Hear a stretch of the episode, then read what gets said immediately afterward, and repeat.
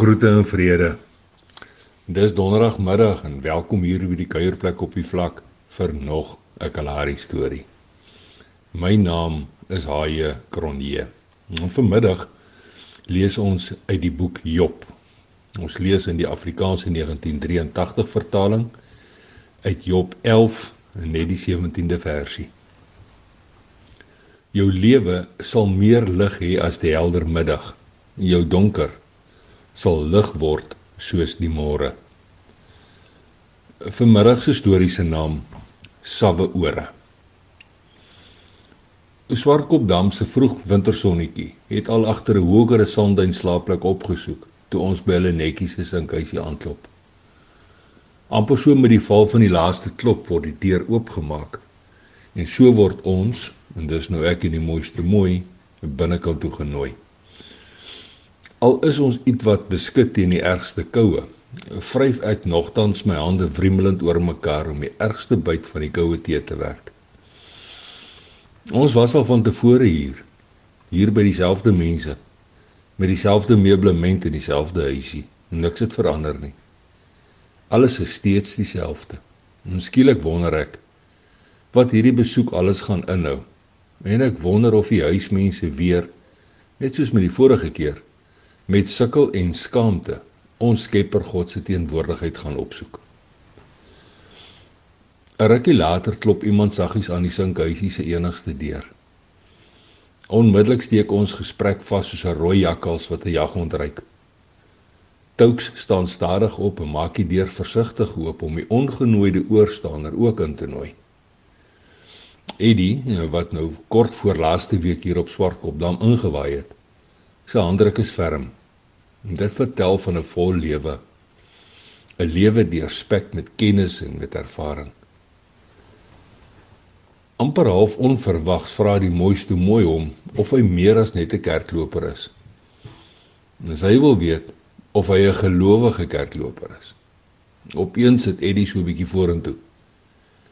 Sy skouerknoppe is effens agteroor getrek en sy kop en nek staan penoorent soos 'n regop staan geelslang. Hierdie man is voorwaarlis vir beklei en wat hy bekyk elkeen van ons met swart bruin oë wat vuur spoeg. Raak rustig en kyk hom vol in die oog. Hy gaan nou-nou sy hart uitpak en dan moet jy met sawwe ore luister.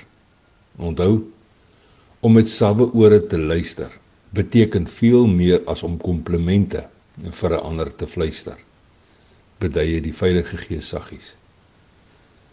Met hierdie woorde wat in my binneste binne draal, besef ek dat Eddie, net soos alle ander mense goed, bloot net sy vernielde en brose binnevoering beskerm.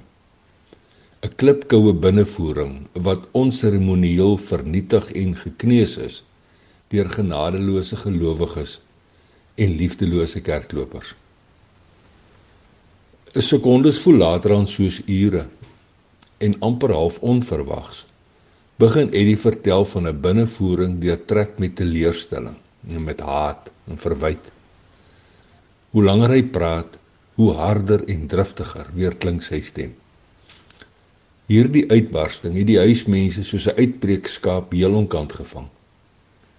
Hulle sit wit oog terwyl verdwasing en verbasing duidelik op hulle gesigte blink. En kort nadat Eddie sy derde salvo afgevuur het, begin die huismense ook stadig aan hart uitpak. Nou hulle vertel van die behendigheid waarmee kerklopers en gelowiges lieg en bedrieg en selfs hoe hulle vlamskerp tonge iemand se toekoms en saligheid bepaal. Heelwat later, nadat hulle binnevoerings leeg gepraat is, sit Eddie en die huismense terug in hulle stoele.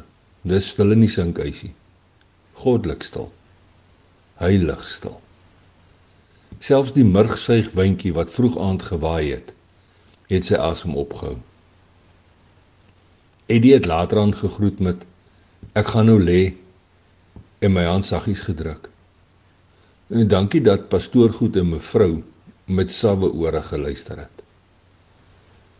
Met ons vingers in mekaar gevleg en diep in my baadjie sak weggesteek, stap ek in die mooiste mooi daardie donker nag terug na die genadewaad toe. Ons moet spore maak huise kant toe. Maar Eddie se groetwoorde ekho steeds tussen my ore en ek hoor weer die Heilige Gees se vroeg antwoorde en ek weet ek weet ek wil met sawwe ore na ander se binnevoerings luister. Want sawwe ore is 'n Jesuslig in 'n ander se duister. Nou ja toe. En tot 'n volgende keer. Los mooi spore en sandkorrel by seëninge.